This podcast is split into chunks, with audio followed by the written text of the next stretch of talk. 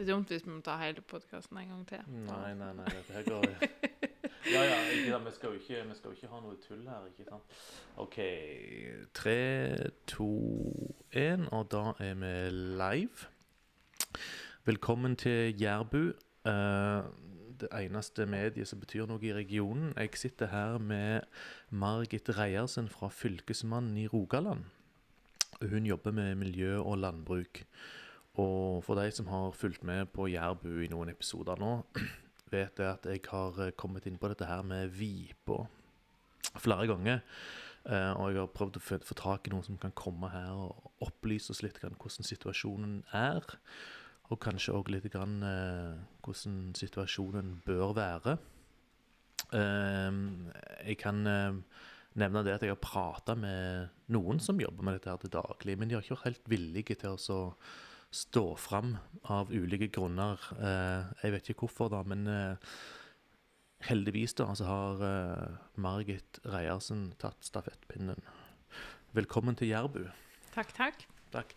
Ehm, du jobber hos Fylkesmannen. Ja, Mm. det gjør jeg. Her sitter vi på Jæren, og det er da eh, Klepp, Hå og Time kommune. Mhm. Hvordan er det der s- du fungerer? Jeg er ikke helt sikker på hvordan du fungerer dette med Fylkesmannen og fylkeskommune og kommuner og alt dette greiene her. Det, det er jo eh, Fylkesmannen er staten sin utstrakte hånd.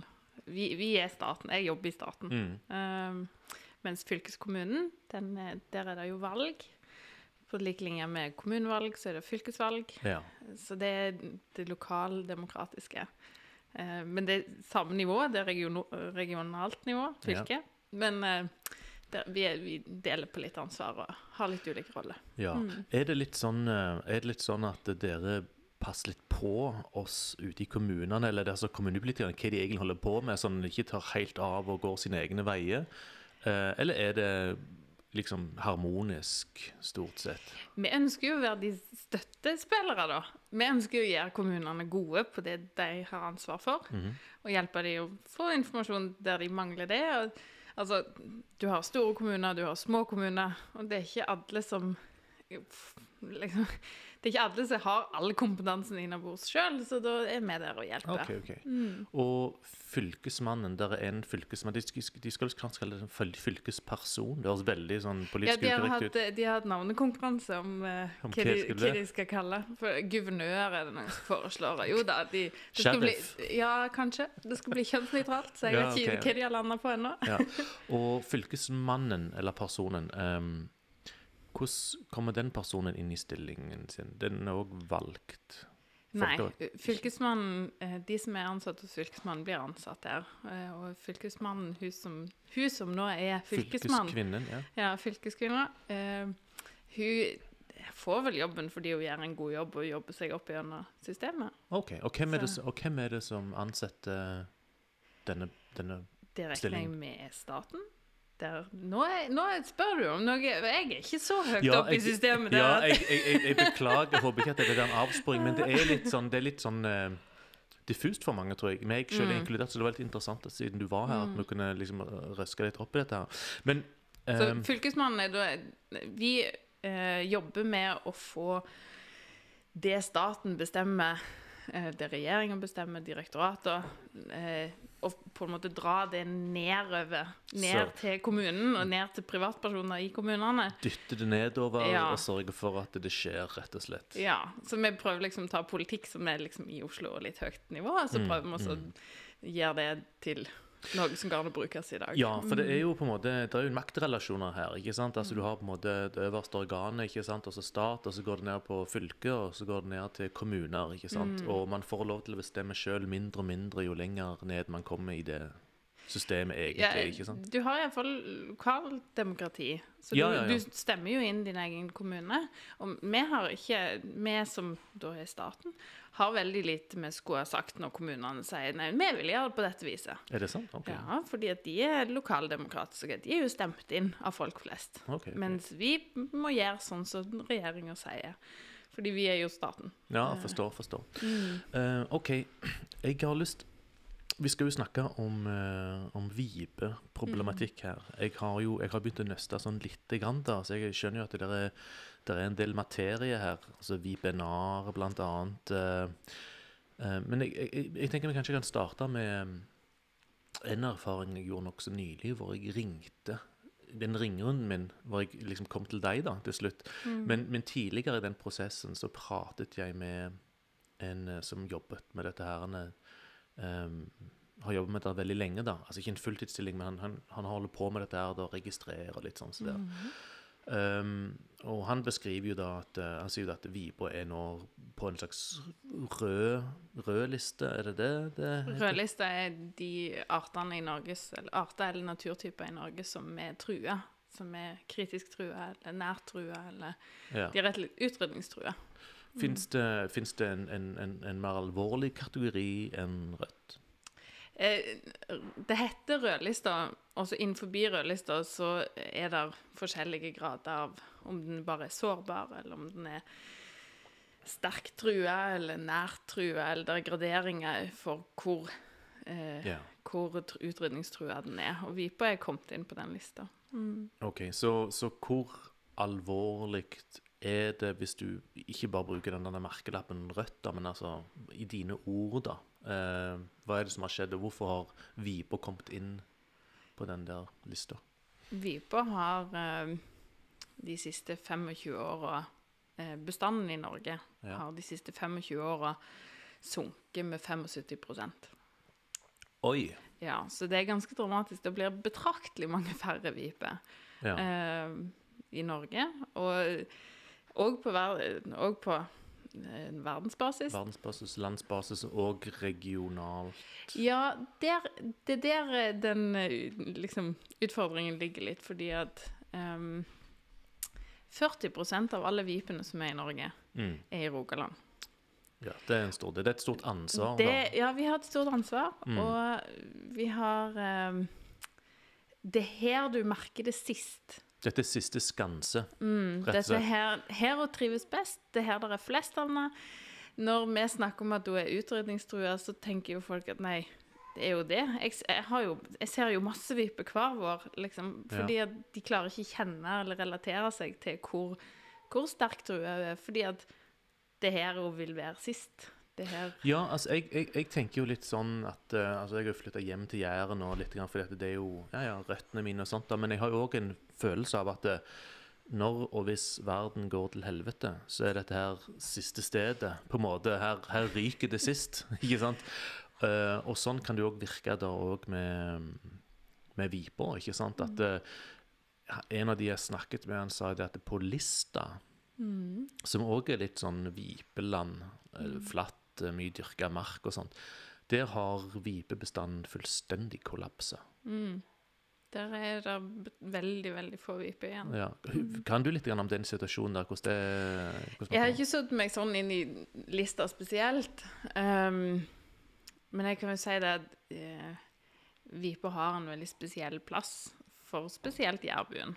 Eh, Den har jo det. Den er jo vår fugl, ikke sant? Ja, ja, det er det. Regionalfuglen vår. Time har du til og med på våpenskjoldet. ja. Mm. og, og jeg vet at um, Jeg har snakka med veldig mye bønder, for det, en del av jobben min har vært å prate med bønder om tiltak for å hjelpe vipa. Ja.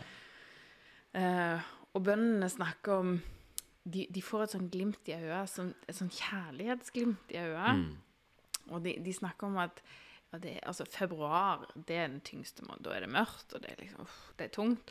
Og, altså, men når vipa kommer i mars, Ja. da, da er det vår. Det blir ikke vår uten at den kommer. Nei, så det, det er et så kjærlighetsforhold. Um, og vipa kan bli ganske gamle. Så Ja. når bøndene snakker om sine viper, det er mine viper Jeg har to par som alltid hekker her, eller et eller annet sånt. Mm. Uh, jeg tror den eldste registrerte vipa er 24 år. Eh, så hun blir ganske gammel. Ja, det er lang, lang levetid. Uh, Eh, så de, um, de vipene som bøndene relaterer seg til, de, de er ofte Jeg ser for meg de fort er gamle fugler. Jeg vet ikke, men de, de, de, kommer tilbake til samme område år etter år. Mm. Um, og det, det tenker jeg i forhold til lista, at hvis man ikke viser hensyn og er med og på en måte hjelper ungene til å vokse opp der, Ja. eh, så taper du Etter hvert som de voksne begynner å dø ut, så, så får du ikke noe nye. Nei, nei. Eh, Men, men, men hva var det som skjedde på lista? Vet du det? nei, det Nei, okay. ok. ikke. Nei, fordi at, fordi at han, jeg, han jeg snakket med, da, som fortalte meg dette, at det hadde kollapsa fullstendig på, på lista, han, han beskrev jo òg det som du sier her på Jæren, at eh, jo, jo, enn så lenge så har vi Viber her. Mm. Det har ikke kollapsa ennå. Uh, og så er det litt sånn Det han beskriver som et hovedproblem, er jo det at eh, den teknologiske utviklingen i hvordan en på en måte eh, høster jorda ikke sant? Altså det, ut, altså det som gjerne tok ukevis å gjøre ikke sant? et stor, stor kjelve, det, det, tar- bare noen timer i dag, på en måte. At det, um, det er mye der på en måte Vibo blir, eh, blir drept. Altså det er landbruket. Ikke, det, er ikke, det er ikke det eneste, men det er en del av, det er en del av bildet. Hva er det du vet om, om dette her problemet i forhold til jordbruksteknikker og det, vipedød? det er ikke i utgangspunktet til å stikke under en stol at jordbruket og landbruket er et kjempeproblem. Mm. Uh, Et kjempeproblem, ja. Ja, for Viber. Sånn er det bare. Men samtidig så er det Hva er det man snakker om når man snakker om jordbruk og landbruk? Mm. Eh, der, er, der, er, der er en veldig splid mellom de som er miljøvernere og fuglefolk og sånt, og de Mm. som driver med landbruk. For det er jo ikke sånn at landbruksfolk driver og går rundt og tar livet av viper med vilje. Nei, altså, Eh. det, det, nei, for det er, vel, det er vel sånn at ingen har vel lyst til å til å skade. Vipa viper er en flott fugl, ikke sant. Mm. Men det som han Muldvarpen min, da, om man kan kalle det, det, som han, det, det som han sa, var jo det at det, jo, det er flere ting som, som, som tar vipa, og det er liksom rev og andre, annen fugl som tar disse kyllingene når de springer på, på jordet, ikke sant. Og så sier han det at eh, bøndene er veldig kjappe med å dra fram på en måte sånne andre typer forklaringer. Eh, når det er som du sier, ikke sant, at det, ja, det er kanskje noe av det, men det er slettes ikke alt, og kanskje ikke mesteparten av det heller. Det vet vi ikke. Eh, og så er det jo sånn at når man som bonde da kanskje står i et valg mellom to onder ikke sant? Alle, alle har jo lyst til å gjøre de gode valgene. Eh, men så er det jo det at når det kommer ned til penger, ikke sant? for det er det det blir snakket om, altså økonomi, økonomi ikke sant? Ja. Og det som, jeg, det som jeg spurte han om, da var ja, er det sånn at det er det, er det vanskelig for, for bøndene økonomisk å være konkurransedyktige? Um, er det det som skjer? Ikke? At de kommer i en, en pressituasjon, og at, og at det er den der uviljen som han var livredd for å få på seg. Ikke sant? For han skal jo jobbe med dette her videre. ikke sant? Eh, han, han var veldig redd for det, da. Ehm, men så, så, så sier han da noe, noe annet som jeg syns var litt interessant. Altså Han beskrev ja, men du vet jo, ikke sant, det er er òg noe spesielt her på Jæren. Den jærske mentaliteten. Forhold til andre plasser. Og så sier jeg å ja, ja, hva da for noe? Nei, nei, du vet det der, han er ikke sant, det er noe med den der ikke sant, Du skal opp og fram, og du skal jobbe, og ikke sant, altså du, du skal liksom albue deg litt fram. Altså, hva vet jeg, Kanskje det har noe med den der løing av steingarder og protestantiske arbeidsetikken eller et eller annet sånt. da. Men, men ikke sant, altså det var på en måte at du skulle, du skulle gjøre ikke sant, du skulle du kunne være litt uh, lite sensitiv når det kom i jakten på å komme deg opp og fram det her på Jæren. Tenker du? Det vet jeg ikke om jeg er enig med deg, for jeg, eh, jeg- jeg- det er ikke min- det er ikke min- det er ikke min Nei, påstand. Men jeg tror at uh, jeg tror, altså, Jærbuen er et arbeidsjern av en annen Det er det, altså. det er, altså, der er Ingen over, ingen ved siden. Nei, og du ser uh, Du ser òg andre plasser i Norge der Jærbuen har flytta til. Der er det plutselig et veldig landbruksmiljø som er Mm. veldig på. Ja.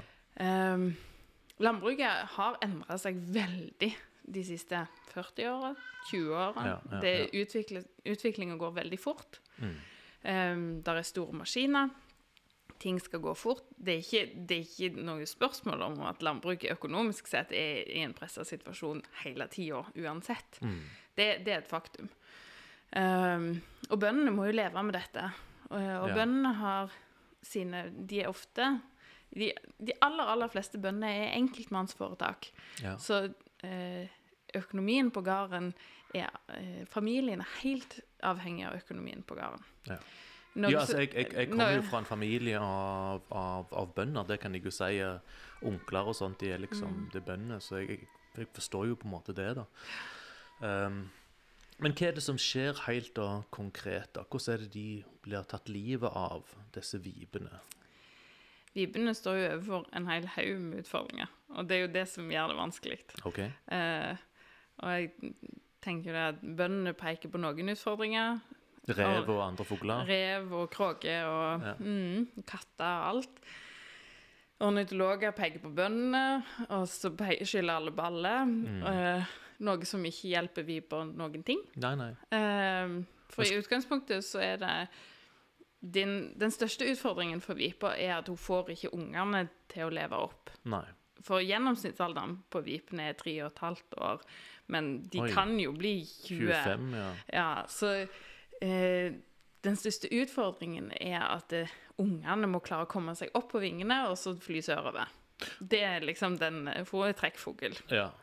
Så, så det Eh. er altså Er det fuglungene som går i fòrhausene, for å si det veldig enkelt, eller Det er egga som går, det er De eh, sliter med å finne plass å legge reir. Eh, Egga blir knust, reira blir knust. De blir, egga blir spist. Når egga endelig klekker, hvis de har kommet så langt, så, blir, så er ungene et ganske lett bytte, for det tar en god måned hvor ungene ikke kan fly. De bare springer rundt. Eh, Oi. Og da er det jo veldig fint, fin fôringsstasjon for huskatter og for eh, rev og for alle sånne ting. Og eh, det er jo ingen som kjører på vipunger med vilje. Men nei. De, altså, de er jo kamuflasjefarger av en grunn, og det er ikke lett å få øye på dem. nei. Eh, så det er jo ingen bønder som kjører på dem med vilje. Jeg vet det er bønder som har med seg bøtte i traktoren og soper opp vipunger, hiver de i bøtta i traktoren, kjører rundt med de, og så kommer de tilbake og så hiver de liksom ut i en kant, sånn at de ikke skal kjøre over de. For de springer jo rundt òg. Mm. Ja, ja, ja. Ja, altså, jeg kan jo bare liksom ut ifra altså, min erfaring med bønder, da, for eksempel Mm. onkel Helge da, inne på Jørpeland, men eh, det er jo tidligere Jærbu, men altså, han har jo en sånn en vanvittig forkjærlighet til dyr, sine Mm. egne og andre dyr òg? Altså, han har noe hjort som holder på å spise opp eh, områdene hans, ikke sant? Og det er liksom der Mm. jegere som har så lyst til å komme og jakte, liksom, men det er som sånn Altså Det er som et nåløye for å få lov for at du må, du, du må treffe hjertet hver eneste gang ikke sant, for å få lov til å komme der og jakte. ikke sant, altså han eh, Og sånn tror jeg det kanskje er med mange mange bønder, som du sier, da. Um, men altså OK, 70% har forsvunnet av vipene på landsbasis. Hvordan er det i Altså her på Jæren? Har, no, har, har det sunket ennå noe nevneverdig her? Hvordan er det her? Det har nok sunket en del her òg. Det ja. Eh, det har det. Men ikke så mye som 75 Det er ikke- her ennå. Eh, her på Jæren er det veldig fine forhold for viper. Så de vipene som ligger liksom rundt Jæren, flytte inn til Jæren hvis det blir plass ledige. for dem. Ja, i en, i en viss grad. Um, vibbene liker De hekker på bakken. De har reir rett på bakken. Uh, og de liker å ha åpne, store areal, fordi at da har de oversikt over rovfugler Ja, ja. som det er hoved, uh, hovedutfordringa. Så hvis det er mye trær, så sitter jo rovfuglene der, og så følger de med. Klar, for det er ikke lett å se et vipereir. Nei, Men nei. hvis de kan sitte og følge med litt, så på et eller annet tidspunkt så må jo vipemor reise seg og gå en eller annen plass. Og da, eh, eller hun kommer tilbake igjen, eller et eller annet sånt. Og da kan de, hvis de kan sitte i et tre, så klarer de å se hvor reiret er. Men hvis det er åpent, hvis det ikke er trær, da, eh, da sliter Da må jo rovfuglene fly. Og det er mye tyngre for dem. Det tar mye lengre tid, det er mye vanskeligere å finne reira da. Mm.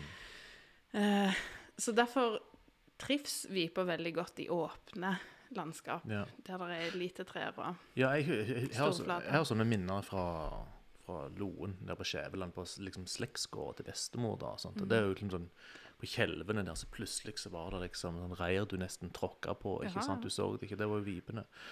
Um, nei, jeg, jeg spurte liksom den forrige gjesten min her, um, Katrini fra Bryne, tatovør og standup-komiker, så bare spurte jeg henne Altså, Husker du sist gang du har sett ei vipe? Altså, Jeg har vært liksom på ferie og hjemme, men jeg, for meg er det ikke lett å si det. Men hun, hun er det vanskelig. Men hun klarte ikke huske sist gang hun så ei vipe. Altså, kan det, være, kan det ha noe å si? At du, liksom, den, den, du ser den sjeldnere når det er så, det er så mye færre viper? Jeg tror kanskje der har det mest rett og slett med om du vet hva du ser etter. Ja. Eller hører etter. Jeg hører den stort sett lenge før jeg ser den.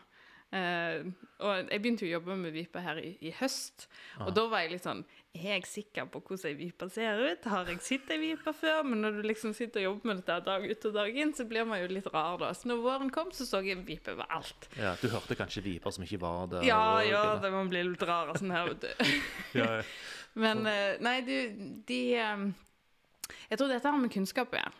ja. Eh, fordi at de fleste bøndene som jeg prater med, som er litt eldre, de kjenner viper. De vet hvem hun er, de vet hvordan hun ser ut, de vet hvordan, hva de skal gjøre for å ta hånd om henne. De flytter reir hvis det ligger i veien der de skal kjøre, hvis de finner de. De setter bøtter over reiret for å passe på når, i de våronna ja. når de kjører skit. Um, de gjør liksom veldig mye sånne ting. Eh, og så kommer den yngre generasjonen og skal ta over. Her skal det gå litt fortere, og det er moderne maskiner, og det går på tid, og det går på akkord. Ja. Eh, og det å da Altså, bønn er ikke den mest snakkesalige gjengen, altså. Og det å faktisk få disse gamle bøndene til å til ja, men, Prat nå med ungene dine, eller prat Ja, ja, i lag. Hvor mange viper har du? Mm. Har du sett noen viper ennå? Jeg har sett noen der og der.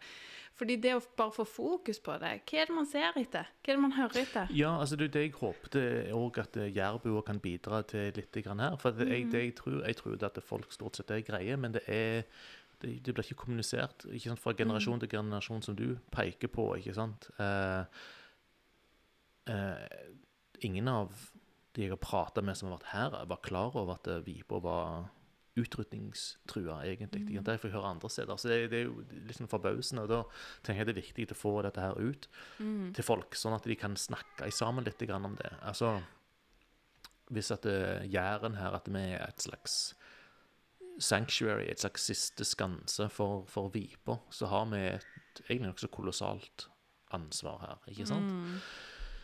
Hva kan vi Altså, OK. Hva kan bønder gjøre for å stoppe denne trenden her, sånn som du ser det? Hva, det, hva slags, hva slags eh, midler har de til rådighet selv? Hvilke, hvilke midler er det fylket kan, kan steppe inn med? Eh, kommunenivå? Hvordan ser dette landskapet ut? Ja, nå har det blitt et ganske komplisert landskap etter hvert. Mye, mye steile fronter etter hvert? eller? Nei, nå, det, det er det jeg, jeg har jobba med, da. Eh, Ja. Å faktisk få folk til å prate i lag, og det å snakke om den interessen de har, og hva er det de gjør. For noen bønder gjør masse, andre bønder gjør ikke så mye. Eh, det å videreformidle de løsningene de finner, eh, og det å finne løsninger på de problemene de ser.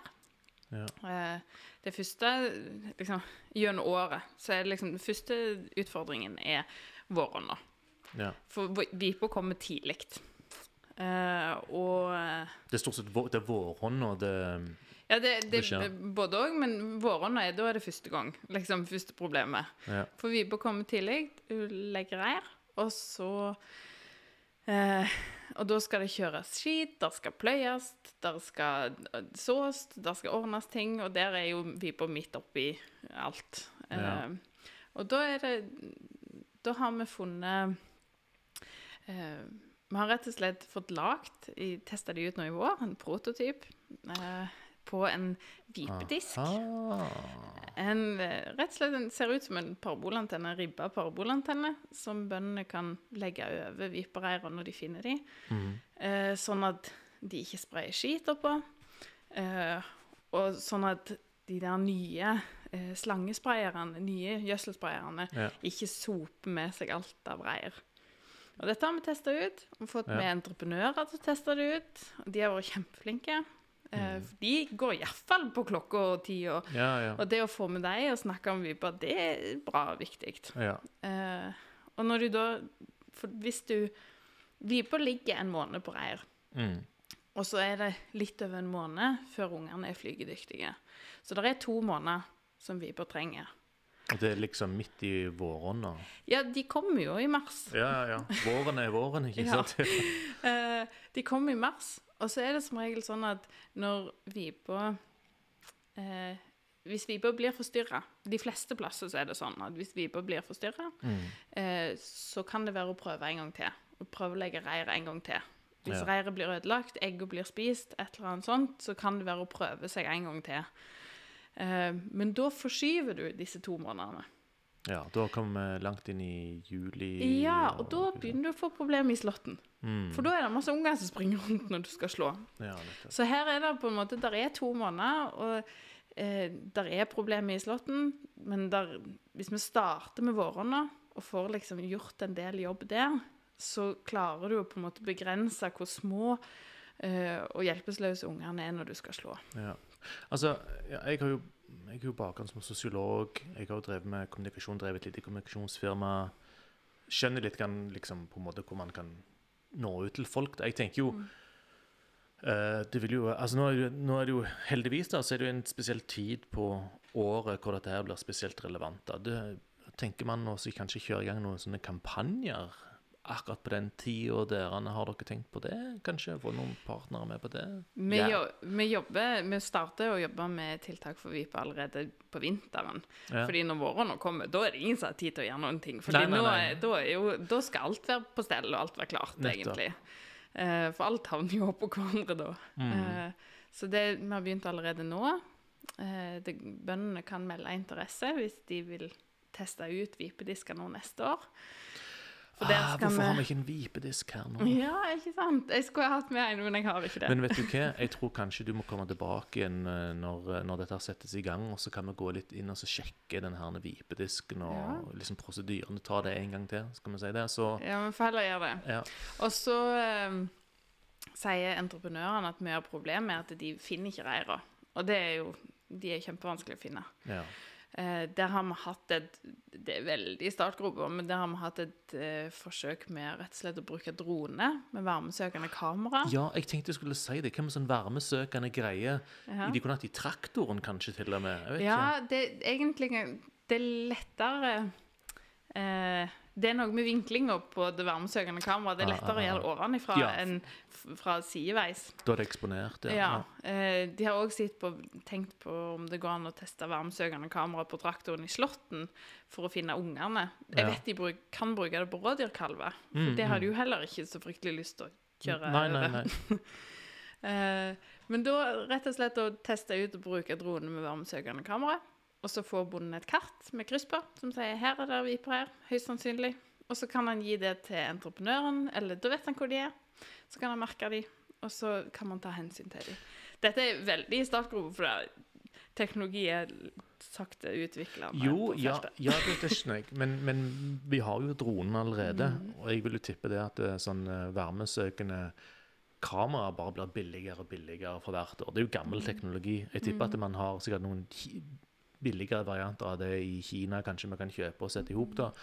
Og så hvis man da kanskje tar og sentraliserer det, da, at istedenfor at det, altså man har et lite team da, som Mm. kan gjøre det, og de dekker over et stort antall områder, at de gjør det intensivt, så kanskje det Ja, vi ønsker jo Det som hadde vært skikkelig tøft, er jo hvis dronefirmaer rett og slett hadde kunnet konkurrert om å komme med tilbud til bøndene om at bøndene kan leie de inn til å fly over sine jorder og finne vipereir. Det- Da, At- at- da er vi kommet langt, liksom.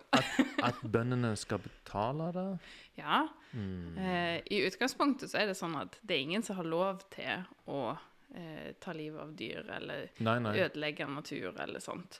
nei, nei Eh, men, der, men hvis det er noe bøndene kan få leie inn folk til, mm, så kan vi òg være med og gi støtte.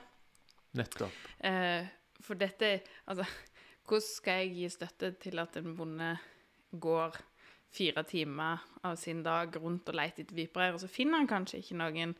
Skal, Nei, nei, ikke skal, hvordan kan han søke om det? Men hvis han får noe, leie inn noen, så kan vi begynne å snakke. For da er det en fraktura der det er sånn Det er et bevis på at jobben er gjort, og en del sånne ting. Mm.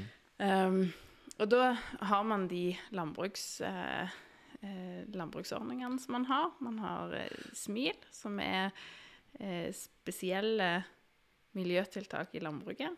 Smil. Mm. Smil. Ja, Smilmidler. De er kommunens forvalter. Så, det du, så det du sier nå, at hvis det er noen driftige unge mennesker der ute nå som leter etter en, eh, en liten sånn en forretningsidé, Mm.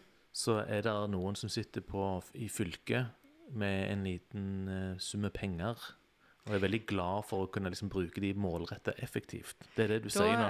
da, da kan man iallfall ta kontakt, og så skal man se om man klarer å diske opp mer penger, og så se om man klarer å utvikle dette. Ja. Mm. For at uh... Vi har hatt et forsøk nå i vår, mm, uh, og der skal komme en rapport nå i høst på hvordan det gikk, der de har flydd med drone og har testa det ut. Og det Eh, uh, eller? Ja, ja. Eh, Men det er en del sånn innstillinger på dronen, og det er en del sånn småting Det tek- teknisk mikmak. Ja, ja. Ja, som egentlig må finnes ut av, eh, som er ikke helt i mål ennå. Og så er det sånn Altså, flyr du dronen veldig, veldig tidlig på morgenen, så er det veldig mange fugler som har sovet i det gresset. Og da er det veldig mange falske positive. Ja, selvfølgelig. Ja, for det, er det er veldig flyr sensitivt. Ja, Ja, altså, og mm. flyr du for seint, så, er det, så har kanskje sola varmt opp mye steiner eller annet, Så det liksom. Så, forsvinner, ja. da, da mister du den. Så det, er liksom en del sånne ting. Men det er under utvikling. Mm. Ja, nettopp. Det hørtes jo egentlig eh, veldig positivt ut. Eneste jeg, eneste jeg, eh, eneste jeg ser som en sånn en fallgruve der, er selvfølgelig at hvis at det- bøndene skal initiere dette sjøl. Jeg tipper at det er sikkert mange som vil gjøre det, men så er det òg det der med at det, som du sier, liksom tid og ikke sant? Altså det blir eh, Det faller litt ifra hverandre kanskje pga. tidsbruk, og hvis det koster tid og penger, da. Um, Jeg tror der er det et veldig et viktig poeng at bøndene Det har vi iallfall sett med disse vipediskene. mm, Uh, det at uh, det å faktisk kunne få et tiltak som du aktivt kan gjøre for å hjelpe, ja, ja, ja. er vanvittig drivende. Mm. Um, vi har bøndene som har ringt og spurt liksom, ja, hvem er det som har vipedisker i mitt område som jeg kan låne. Jeg har lyst til å teste ut. Det var i vår. og Vi hadde egentlig bare et sånn lite testprosjekt med dette i vår. Ah. Uh, og for til nå så har det ofte vært sånn Ikke kjør. Ikke kjør for fort. Ikke gjør ditt. Ikke gjør datt. Vent med å slå. Gjør Og det er veldig inaktivt. Mm. Så det Man kan ikke stoppe det, det industrielle eller det landbruket som er på vei fram. Du kan ikke stoppe det. Nei.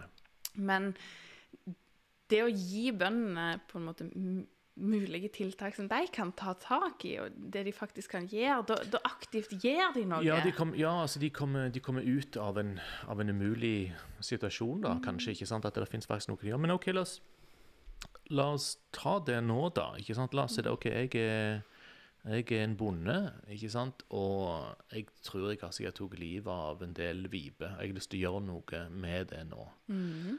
Hva gjør jeg? Hva kan jeg gjøre? For det første så er du observant når de Ja. kommer. Du må eh, snakke med bøndene, naboene dine, Mm. for da kan du høre Vet de om der er vipe? Har de vipe sjøl? For det kan si noe om har du vipe hos deg. Hvis du Ja, ikke har sett noen det- før, ja. så hjelper det jo ikke. Nei, for det, det kan være du har en, en, en hel gård, og det er ikke eneste vipe. Det kan være. Ja, OK. Ja. Mm. Mm. Eh, og så eh, så er man litt observant, fordi du, du starter ikke å kjøre på jordene før du absolutt må. Fordi det er bløtt, det er vår, Mm. vi bor på Vestlandet. Eh, og det å da være litt observant, observant før du begynner å kjøre liksom, Er det noen fugler? Ser jeg noe? Mm. Vipene har et fantastisk flott spel, sånn, eh, så de flyr når de sånn parings... De driver og flyr mye, da. Ja, ja. Så det, de er veldig flotte å se på. Du kjenner igjen på lyden og en del sånn. Mm. Eh, da går det an å se og følge med. OK, hvor ser jeg noen viper? Og hvis du gjør det, OK, da må du kanskje være, følge litt ekstra med når du skal ut og kjøre med traktoren. Eh, Mm. Og ha en, ha en plan for Det kommer altså an på hva type gjødselutstyr du har, for det er ofte det du gjør først på Ja. våren. Eh, og så har du kanskje med deg ei bøtte i traktoren, så hvis du ser et reir, så er det å kanskje slå av gjødselspraying og ut og legge ei bøtte over reiret, sånn at ikke reiret blir fullt av skit. ja. Eh, Så, så, så, så, steg N er liksom OK. Observere litt og se først og fremst Er det vipe her? mm, OK. Så hvis du ikke har vipe, OK. Kjør, eh, kjør i gang og gjør det du, det du skal gjøre. Mm. Hvis du har vipe, så må man stille seg et litt annet modus. Da er vel kanskje neste steg OK, hvor er, hvor er disse vipene på, på gården min? Og det er det jeg tenkte, OK, du hoppet rett til ei bøtte, og hvis du sprayer over dem, men, men jeg tenker litt sånn ehm, gå, altså Er det noe man kan gjøre før man kommer og setter seg inn i traktoren og tenker nå skal jeg ut, og så nå begynner jeg å jobbe, liksom.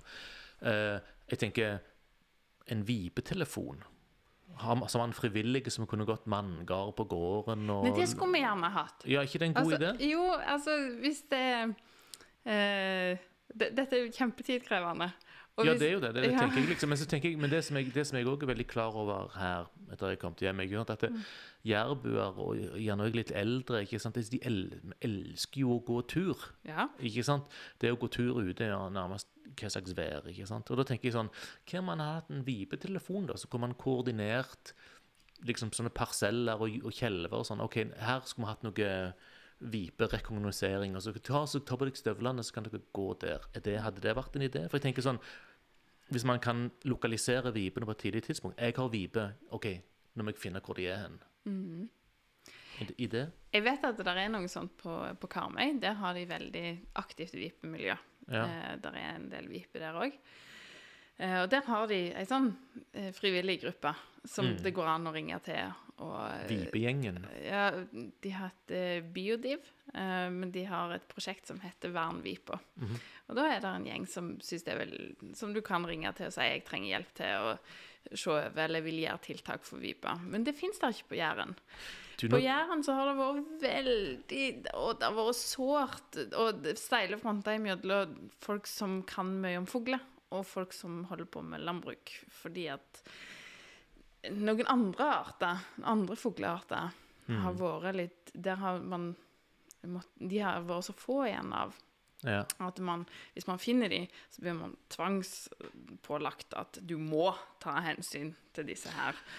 Og Det liker når jo ingen, da går Nei, det liker ingen. Og det da, hvis det da har vært noen fuglefolk som har vært ute og så funnet en sånn type fugl, eh, og så sier de ifra, ikke til bonden, men til kommunen eller til fylkesmannen, ja.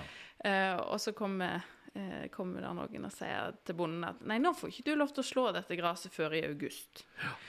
Da er ikke bonden veldig glad i fuglefolk etter hvert. Nei, nettopp. Så det, så det er litt Eh, sånn så det, her på Jæren er det, det, det er sårt og det er vanskelig. eh, Mm. Men det er faktisk bonden som eier jorda. Det er faktisk bonden som kan gjøre de fleste tiltakene. ja. Det er bonden sin økonomi det går utover hvis han vil gjøre tiltak som tar lengre tid, Ja. eller som ødelegger gresset. Eh, Så bonden må være i sentrum. Men jeg ønsker så gjerne at Fuglefolk og Ornitologisk forening kunne samarbeide mer med bøndene. Mm.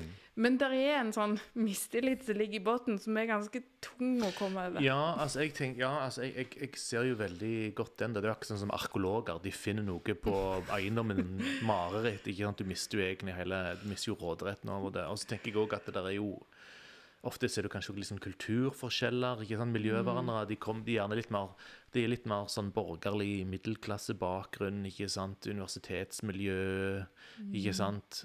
Grønn ungdom. altså Veldig sånn den greia der, da. Og så har du bøndene som er mer sånn ja, nevenyttige og ikke sant. Altså det er det, det er en helt annen på en måte, tilnærming til omtrent de fleste ting. da. Og så og så t- så tror jeg veldig lett at de har veldig lett for å ikke finne et felles midtpunkt, da. Ikke sant, sånn som du beskriver.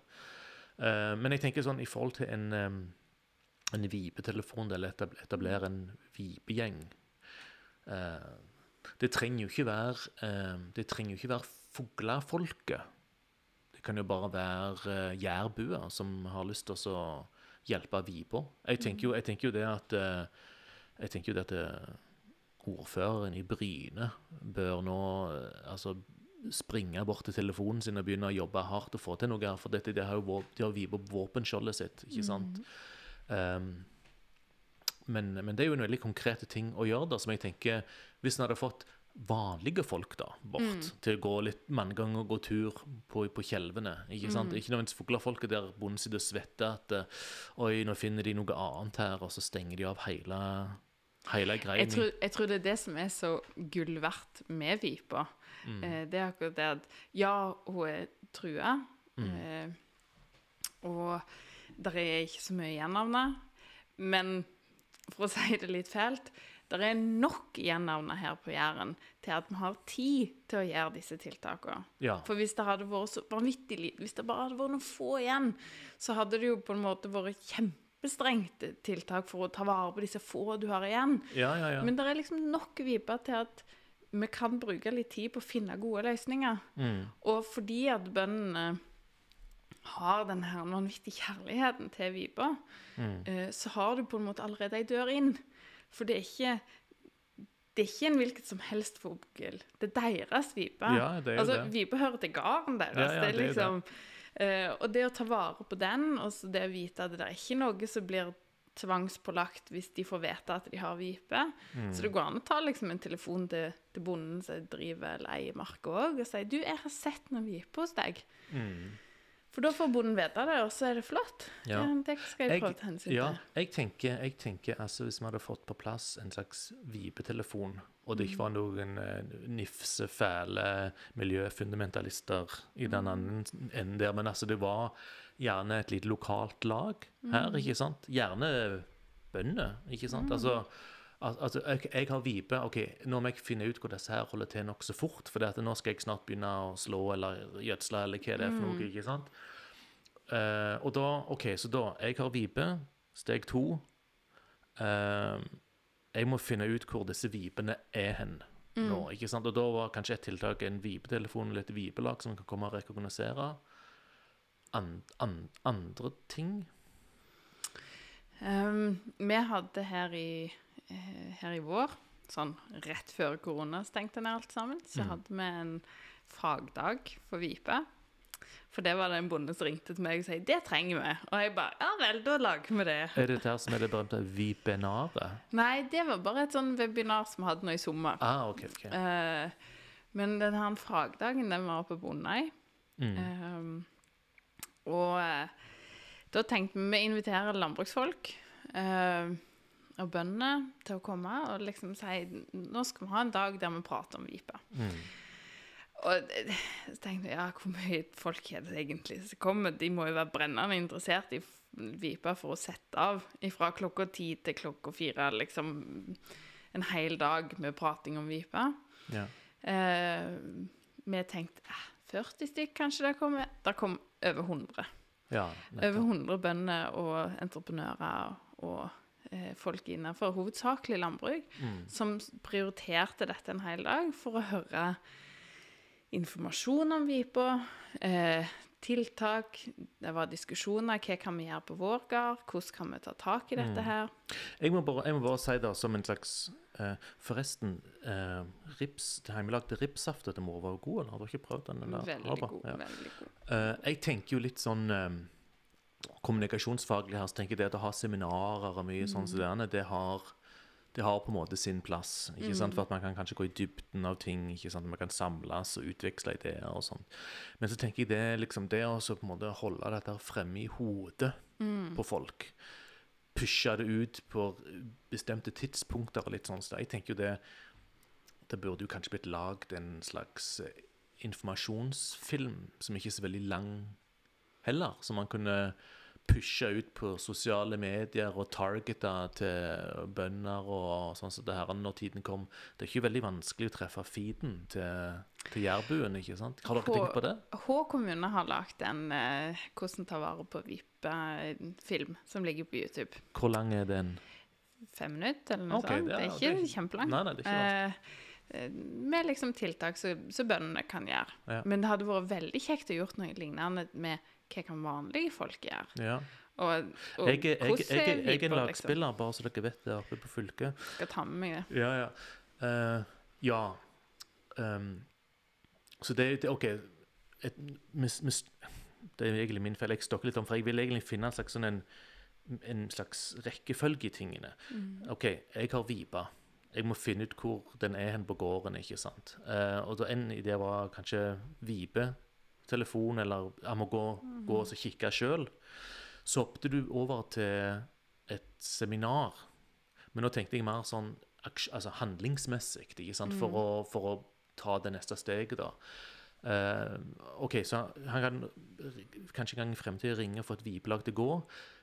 Du sier òg uh, vær obs når du kjører traktoren din. Ha med ei bytte. Kan du ta ut altså, kan du, når, du skal, når du skal gjødsle, så kan du dek, dekke til i bøtta. ikke sant? Men når du skal slå slå gresset, da, da tar du de ut av reiret og legger de i bytta, eller? Når eh, vipene klekker, Ja.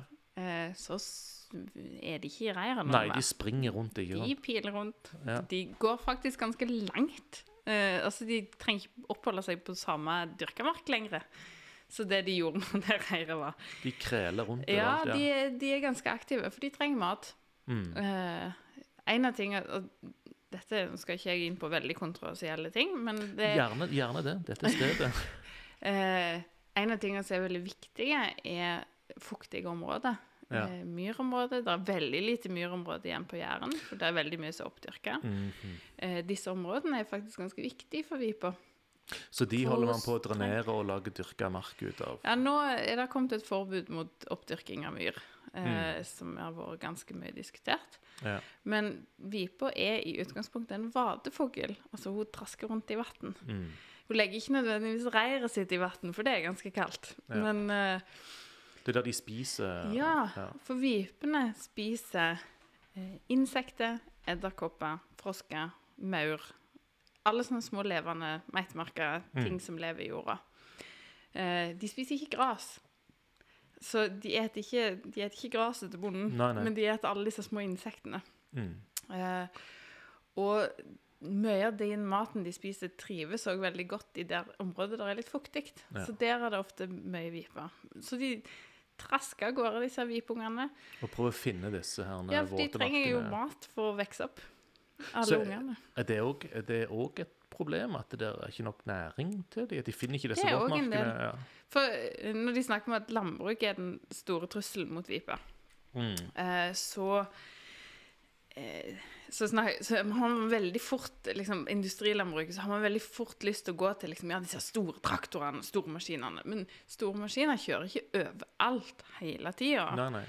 Men det industrielle landbruket er òg hvordan lager vi dyrkamarkene våre. Mm. Hvor store er de? Er de små? Er de store? Har du slått sammen flere? Eh, hva type gras er det du dyrker? Altså, si 60 år siden så var det ti forskjellige små åkerlapper, og du dyrka litt poteter her, og du dyrka litt av noe annet der, og den variasjonen er veldig Mm, viktig. mm, mm. Og så var det masse områder som var beite, eller som var myr, eller som var noe annet. Ja, ja.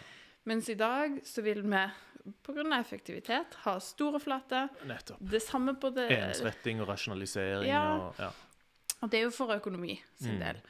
Eh, Men disse tinga, disse her strukturelle tinga, som ikke på en måte den enkelte bonde har ansvar for, men det kan være en kommune som har ansvar for det. Eh, liksom om de gir lov til å dyrke opp et område. Eh, de tinga putter du òg på en måte inn under industrielt landbruk, så sier det er et problem.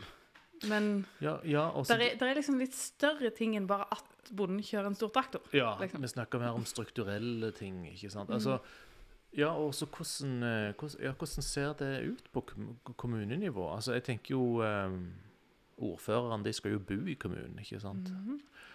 Um, det altså, føler du at det, de har de prioriterer det? Altså, ok, La oss være litt sånn realistiske, selvfølgelig. Det er, er flere folk på jorden, mer mat osv. Mm. Vi kommer ikke til å leve i en slags naturtilstand her. altså Andre dyrearter må på en måte vike. Altså, de kommer til å vike, Men det er det spørsmålet i hvilken grad, ikke sant? og hvordan man planlegger for det. ikke sant? Så det er jo klart, Vi, vi kan ikke bo i en sump her. ikke sant? Men, men, men, har, men har man på en måte pusha litt for hardt på det på kommunenivå, og tillatt ting man egentlig ikke burde ha tillatt de, de, de senere åra, liksom? Hva tenker du? Det er veldig forskjellig fra kommune til kommune. Eh, Hva som er verst av hår, Time og Klepp? ingen kommentar. Hvilken hvilken, hvilken er best? Eh, det vet jeg ikke helt. Det er jo altså Men du vet hvilken som er verst? Ja, det vil ikke si noe Nei, jeg vet ikke hvem som er verst heller. Men de, eh, de er veldig ulike. Men det er jo jærkommunene. Det er jo der det er flatt. Det, Ja, ja, Når du kjører ned, gjennom- gjennom Jæren, så er det du ser, er dyrka. Ja, ja, det er jo det. Ja. Det er, del av er byggefelt, ikke sant? Altså, ja, det er del byggfelt, Mm. eller vindmølle etter hvert. Eh, men um, dette her har ikke sett sånn ut uh, veldig lenge. Nei. All den dyrkamarka har ikke vært der veldig lenge. Har det ikke det? Nei, det ikke her- man- Altså, der er noe dyrkamark som har vært der ganske lenge, men veldig mye av Jæren var beite, eller lynghei. OK, gi meg, gi, gi, gi meg noen tidstrekk her. Altså, hva snakker vi om nå? Nå, dette her Jeg og ja, årstall er litt dårlige, Selvfølgelig. men du, du, ikke ta det som en eh, prøve. Ikke helt, det er ikke helt nei, nøyaktig, men, men- sånn cirka. før, før kunstgjødsla kom Og da snakker vi hvilken tid? Ja, det da? det er jeg jo litt usikker på. Sånn, den... Vi har, vi har jo all verdens informasjon i, i fingertuppene her på mobiltelefoner. I, I utgangspunktet så var det sånn at jærgardene er ikke akkurat de rikeste gardene før kunstgjødsla kom. Fordi dette er et ganske fattig område. Altså Det er en grunn til at bøndene sender sauene sine til heis, for de hadde ikke mat til de hjemme Ja, nettopp. på sommeren. Eh, og når kunstgjødsla kom, så kunne du jo begynne å dyrke opp, og du kunne begynne å gjødsle opp. Du kunne tilføre den næringa som der ikke var her. Mm. Eh, noe som gjorde at plutselig var en gård på, på Jæren som tidligere ikke var liksom bare sånn noenlunde kvalitet på, den ble jo en kjemperik gård. Ja. Jeg, står her eh, gjødselsgiganten Norsk Hydro i 1905. Ja. Det var grunnleggelsen. Så det var liksom da det begynte i det små. og så Ja, ja Tok det vi, mer og mer av. det er liksom Si da det for 100 år siden, så så ikke Jæren sånn ut som den gjør i dag. Nei. I det hele tatt. Da gikk folk med krokrygger, og det var steingarder og lite mat og Ja, tenk, altså, og vi har jo fått eh, gravemaskiner, og vi har fått eh, store traktorer. Mm. Eh, de stein, eldste steingardene er jo folk lødd for hånd, og de har jo plukka disse steinene for hånd. Åh, du, jeg har det er så mye stein på Jæren. Jeg har plukka stein på Jæren. Aha. Ikke de store, da, men De små. Ja. uh, mens nå så kjører du med en traktor eh, som henter opp de minste steinene. Du har gravemaskin som kan i løpet av ei lita uke ta, eh, ta de store steinene. Du kan du endrer på en måte landskapet veldig fort Mm. i forhold til det du gjorde før. Uh, og, og det er jo kjempeviktig at vi produserer mat. Så her er det en sånn Vi trenger mer mat. Vi trenger mer matproduksjon. Men samtidig Naturen på, og, og Jæren er jo kjempeflott til det, for det er Mm. god drenering, det er flatt, det er større åpne områder i plassen for sånne små flekker her og der.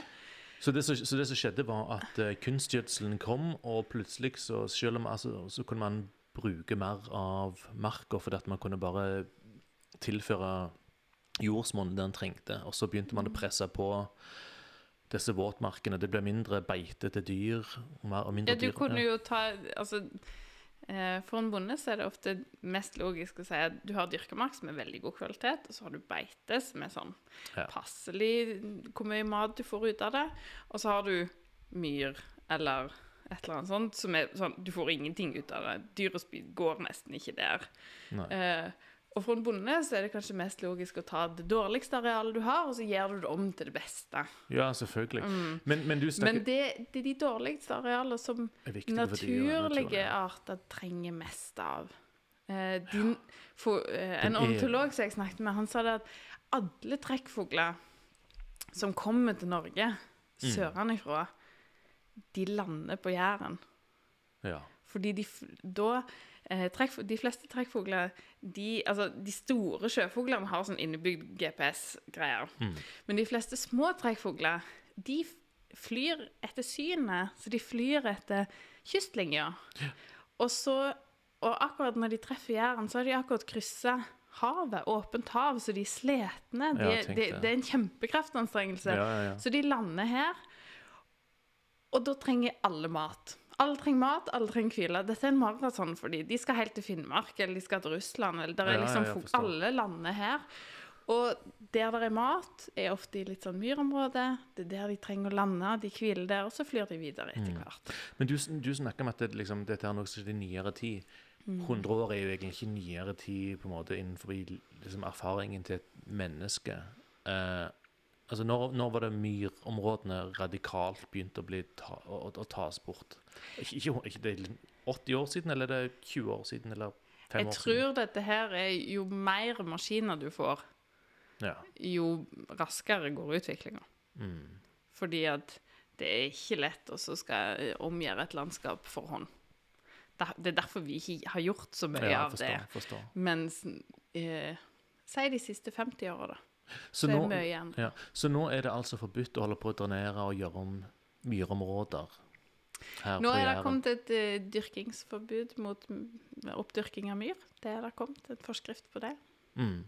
Tilbakeføring av god dyrka mark til myrområder, det er mulig. Gjennomførbart. det. Jo, men det er det. Er det det? Men det er ikke lov. Og det er vanskelig. Det er ikke, det er ikke lov Det er ikke, Nei, det er ikke lovlig ennå. Nei, fordi at Fuglefolket skulle jo gjerne gjort Ja, det det har jeg hørt mange som sier, at vi kunne godt ha ført noen tilbake igjen til våtmarksområdet. Ja, ja, ja. Eh, men i Norge så har vi noe som heter jordloven, som, som sier det at jord som dyrka mark skal drives. Mm. Du er lovpålagt å drive det hvis du eier det, Ja. eller sørge for at det blir drevet. Eh, fordi, og dette har med matproduksjon og matsikkerhet å gjøre. ja. Du skal drive det fordi vi skal produsere vår egen mat i Norge. Ja. Så her er det en sånn Har du fått det til dyrkemark, så har du egentlig fått det for alltid. Mm. Det å tilbakeføre det er kjempevanskelig. Fordi det er masse lovverk som står i veien. Selvfølgelig. Ja, for, det, ja, for, for, for, samfunnet endrer seg før lovene gjør det, kan Ja, du si, så man henger ofte. alltid liksom bakpå. OK, så disse, disse vipekyllingene, de springer rundt, og de prøver å finne våtmark som ikke er der gjerne lenger. Men de, men-. Ja, mm. men, de, men de finner noe mat, gjør de Mhm. vel, ikke sant? Men det er vanskelig for bonden å eh, Det er ikke lenger snakk om å på en måte passe på et reir. Altså, de- de kan springe rett, de kan springe rett framfor traktoren din når du er ute på, på Kjelva, liksom. Ja, de springer rundt, og så, hvis de blir for redde, så legger de seg ned, og så ligger de helt i ro og håper at ingen ser dem. Og det er jo kjempe... For de er jo grå og litt brune til de Ja. blir store nok, liksom. Så er de litt sånn brunlige fordi at de skal ikke synes. Så her, det er litt som å jobbe mot naturen når du skal drive og finne tak i de tingene som naturen desperat prøver å kamuflere. Ja, for, ja, fordi at, fordi at da er det jo egentlig for seint til å ringe til Jærbus vipetelefon. Forhåpentligvis i fremtiden. Vi får se.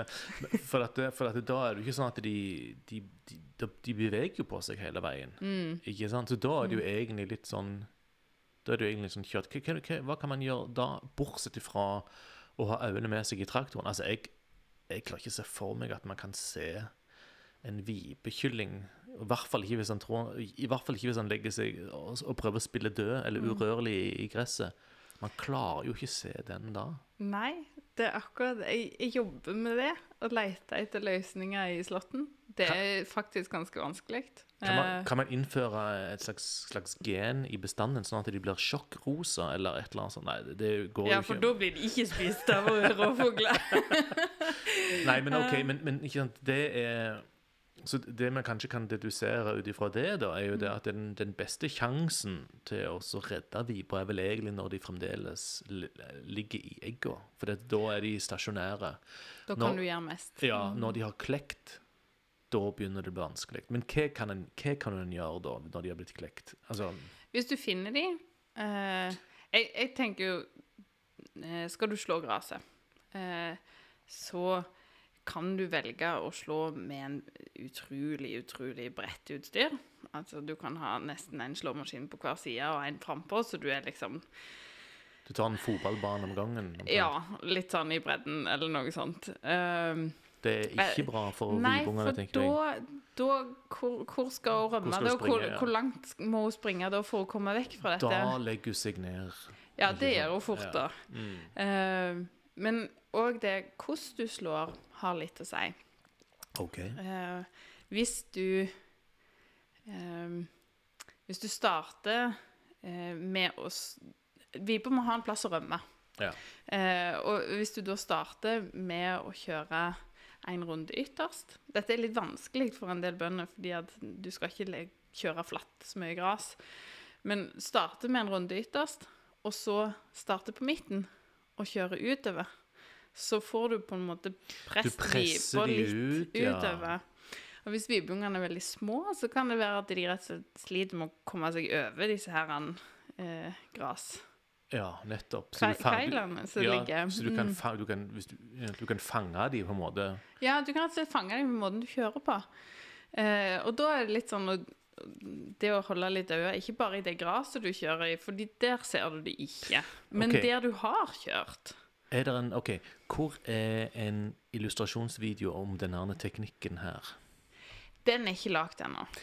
Skal vi lage den? Ja, vi får lage den. OK, for det, at det, det, det tenker jo jeg òg er liksom Hvis at det, det kan bare ligge der fort tilgjengelig. Her har du teknikken, hvordan du skåner vibunger med, hvordan du tar og så fôrer eller slår gras, ikke sant?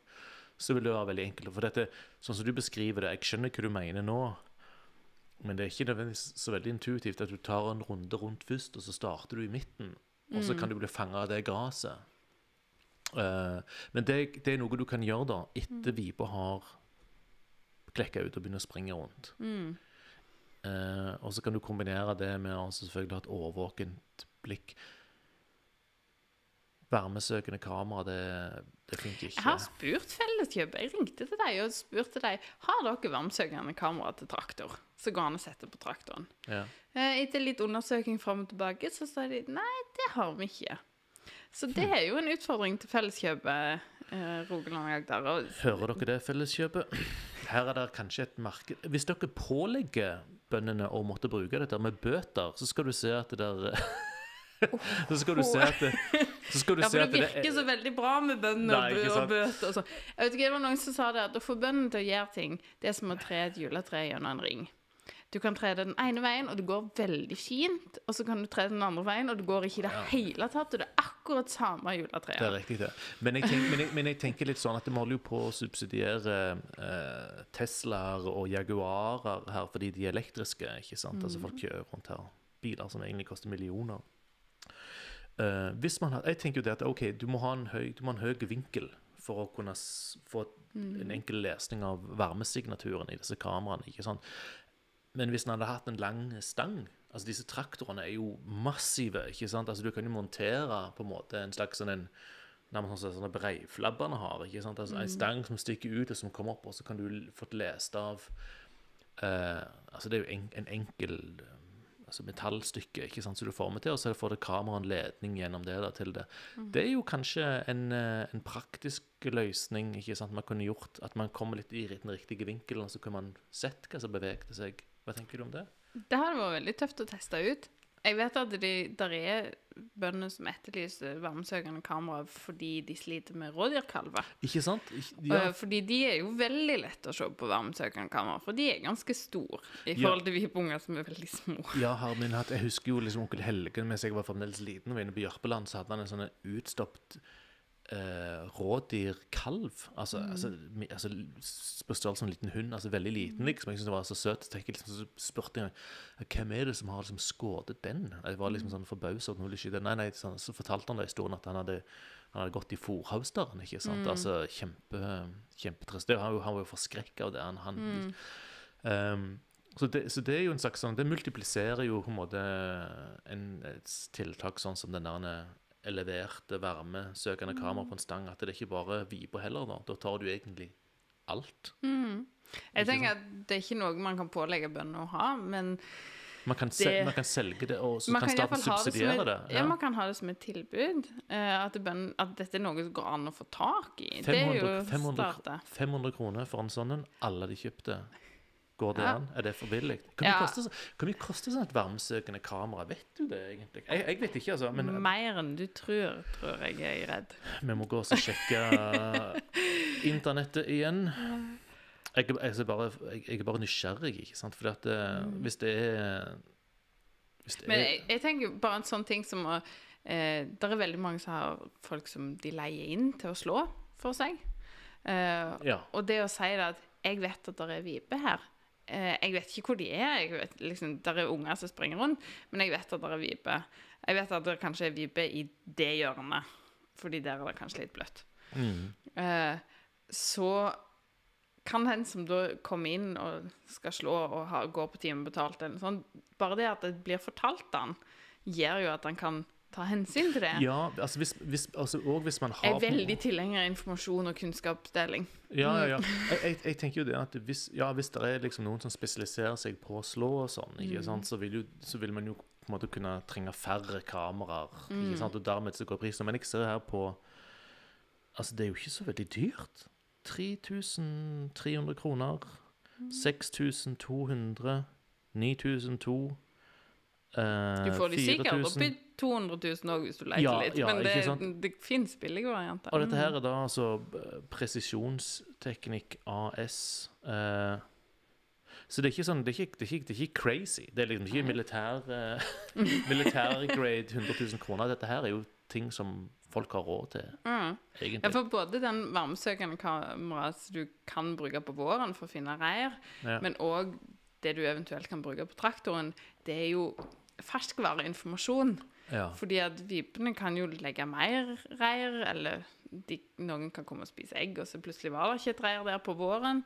Og disse ungene springer jo rundt, så det er jo ikke som om du på en måte har funnet de, og så merker de på kartet, og så Nei, er det greit. Så det er så ferskvareinformasjon.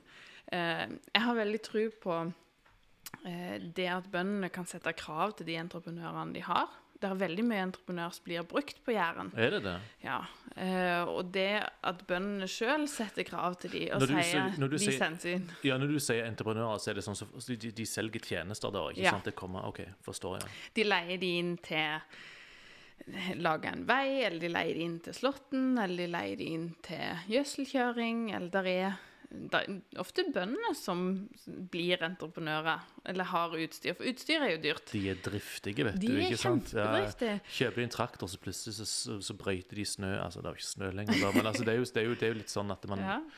uh, man selger tjenester. Så, så det, de, det jeg hørte en bonde gjorde, uh, var det at han merka vipereira. Og så leide han inn folk til å kjøre skit på våren. Mm.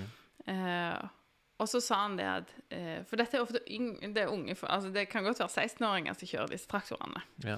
Eh, og da sa han det at nå har jeg merka vipereira. Det er de pinnene som står der og der. ja. Eh, hvis dere kjører over et vipereir, som jeg kan merke, Så er det penalty. så trekker jeg 2000 kroner regninga dere sender meg. Per vipereir du kjører over. Og dette svir hvis du er en entreprenør, eller Eller en 16 år gammel gutt, for dette, Ja, han, han får jo høre det, sjefen sin igjen.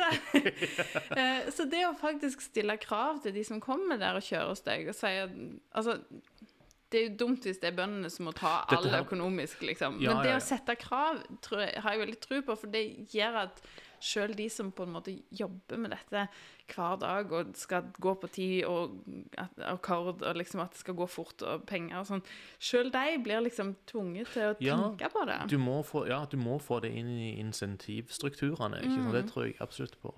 Uh, dette, her var, dette her var en konkret person som du vet om, som gjorde dette her. Mm. Altså, Vi må jo gi han litt uh, glory. Husker du navnet hans? uh, han heter eh, Jon Lea.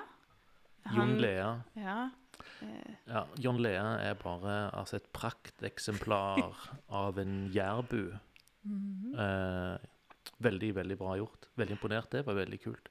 Um, jeg, tenker, jeg tenker jo òg at man kanskje kunne prøvd også å insentivere disse her, på, nå på lufta, disse, her, eh, disse her entreprenørene eller som tilbyr sånne tjenester. ikke sant? At eh, hva hvis dere tar og skriver 'vipevennlig'? ja. Reklamer gjerne for det. Si at jeg gjør en innsats her. Det Ja, ikke sant? Vi, vi, vi, slår gresset uten, uten å ta vipene, ikke sant? At det er på en måte, For dette, jærbuer bryr seg jo, ikke sant? Mm. Uh, så det er jo noe man, man bør legge litt press på. Nå presser vi dere. Kjenn, føler dere presset?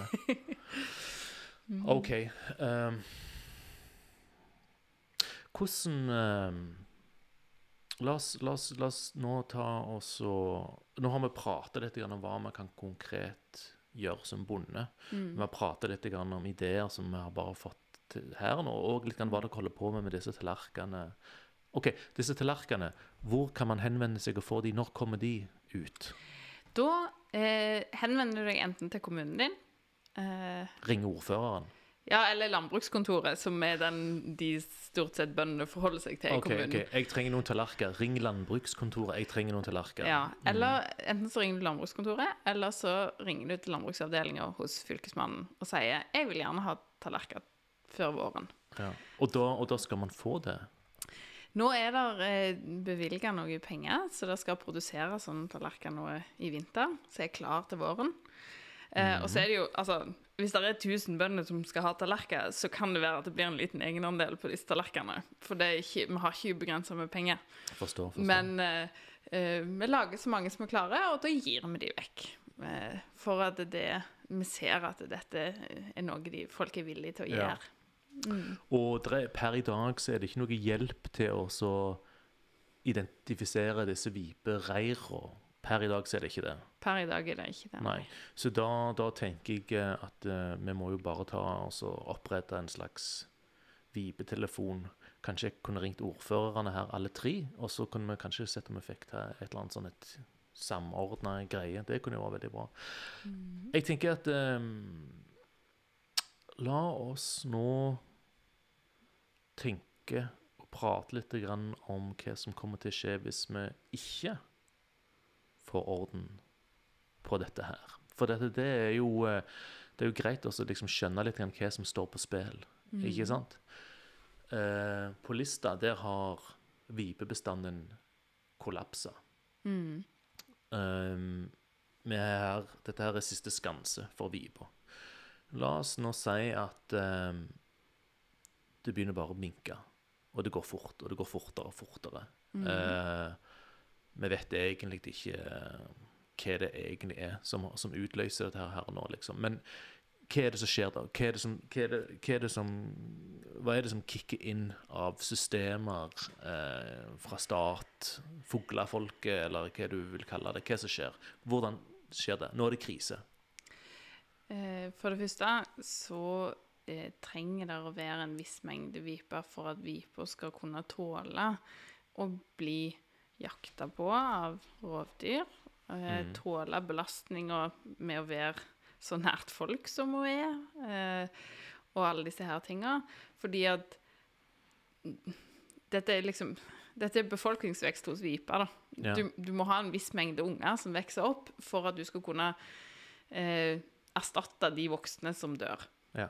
Eh, og hvis du, når du kommer til det punktet at det er for få unger som vokser opp hele tida, Ja. så vil du på et tidspunkt ha for få voksne som legger egg, og Ja. så får du enda færre unger, og så kollapser det til slutt. Mm. Eh, når eh, arter blir så trua, eller det blir så få igjen av dem, eh, så settes det inn ganske mye penger og ganske strenge restriksjoner som sier at her Hvis du vet at du har en der er, Nå er det noe som heter åkerrikse, som er en annen fugl som det er lite av. Mm. Eh, Svarthalespove er òg en annen. Det er disse fuglene som har vært litt krangling om tidligere. Ja, ja. Da er man nødt til å liksom begynne å pålegge folk, tvinge folk til å liksom ikke røre, gjøre liksom masse spesialtiltak for å ta vare på det ene vipeparet som flyr rundt. Ja, men du vet jo hvordan det er, ikke sant? At, liksom sånn, eh, ja, jeg har en verneverdig bolig, så jeg får liksom ikke, jeg får ikke pusse opp eller bygge ut eller noe sånt, eller bygge nytt. Oi, plutselig så var det bare en brann, ikke sant? Altså, Ja, eh, det, det holder jo ikke, du du får jo ikke en bonde til å slå seg selv konkurs med at nå har ikke du lov til å kjøre lenger. Altså, han gjør det jo. Altså, så, Ja, så jeg tenker, hvordan, hvordan håndheves det? Hva er det som skjer? Nå har vipetellerne, la oss bare si det, vipetellerne neste år, vi har bare funnet 100 reir mm. hele Jæren. Det er krise. Viper er vekke neste år hvis ikke vi gjør absolutt alt vi kan nå. Så hva er det som, er det som skjer? Hva er disse Da blir det nok fort eh, lagt veldig restriksjoner på der de reira er. Ja. Eh, da må de på en måte ikke, ikke kjøre der, ikke gjøre sånne ting. Og så kan det være at bonden får kompensasjon, penger for det. ja. Eh, men det er jo Altså, en bonde som trenger fôr Det er ikke nødvendigvis det at du får noe penger. De, de kompenserer kanskje ikke for det fôret du mangler, eller altså, litt sånne ting. Mm. Eh, men òg det at når det begynner å bli veldig, veldig krise, Ja. så er det jo litt treighet i vårt vårt byråkratiske system Ja, det det før er- det på en måte alle disse pengene kommer. Og så Mm. på et tidspunkt så må man liksom si det at vi får ikke Vi, vi gjør så godt vi kan, men vi får ikke til å hjelpe han. Så du tenker det at uh, det er faktisk mulig at det bare kollapser, og Viber for, for, for, forsvinner egentlig for godt, fordi at det, det, det, byråkratiet er liksom er, litt, er, er for tungt? Kan være for tungt til Det er ikke bare byråkratiet, det er jo mye som har gått galt før den tida. Ja, ja. Men eh, eh, hvis det blir så få viper igjen, så er det veldig vanskelig å hjelpe. Fordi at, og det å bygge opp en bestand igjen, det er noe som krever veldig lang tid, og det, tar, det er mye arbeid. Ja. Fordi at da må jo på en måte mange flere unger overleve enn antall voksne som dør. Nettopp. nettopp. Og hvis du har veldig få voksne, så det, blir det jo ikke født så mange unger. Mm. Så det å bygge opp en bestand er mye vanskeligere enn det å la være at den går ned. Ja, selvfølgelig. For det, den, den, den, sant? Den, den, den skjøtter seg sjøl hvis du ikke punkterer den helt, liksom. Ja. Så det er jo det det er snakk om, å gjøre noen sånne små tweaks og ha et øye med det, liksom, og sørge for at det ikke bare raser plutselig sammen. Mm. Og så er det jo òg det at Vipa er ehm, Hun er ikke sånn stedbonde til at jeg, jeg bor alltid på den, akkurat den dyrka marka. Sånn er hun ikke. Noen plasser er hun sånn, og andre plasser ikke. Ehm, men hun er ganske stedbonde til at hun føler hun hører til i Hå, eksempel. Ja, hvis du er derifra. Ja, eller på lista. Mm. Eller eh, Og hvis, hvis det er én bonde som Eller fire-fem bønder i samme område som ikke viser hensyn til vipa, ja, da blir det området tomt for vipa etter hvert. Fordi at akkurat der så blir det ikke, vokser det ikke opp nok unger til å kunne erstatte de voksne etter hvert.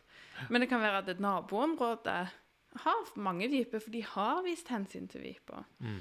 Eh, så det, det, det er liksom sånne små lokale forskjeller òg, sånn som på lista i forhold til Jæren. Eller der, er liksom Hva var hva var det, hva var det, som- hva var det som skjedde på lista? Hvorfor kollapsa det helt der? Brydde, brydde folk seg ikke? Fikk de, visste de det ikke? Hva tenker du? Det vet jeg ikke. Jeg vet ikke Nei. hva de utløsende faktorene er. Men så, så er jo klimaet i endring, eh, landskapet er i endring, Mm. eh, rovdyrbestandene er i endring. Altså, når vi peker på at det går ned med vipe, så sier bøndene ja, det er kråka som tar den. Eller er reven. Ja. Og altså jeg, jeg bryr meg ikke så veldig mye om om forskerne har sett at det der er ei vipe som blir tatt av ei kråke. Fordi at forskerne er mye sjeldnere ute i dyrkemarka enn det bøndene. Så hvis bøndene sier at 'jeg har sett dette at kråka tar vipunge', Ja. så tror jeg de på det.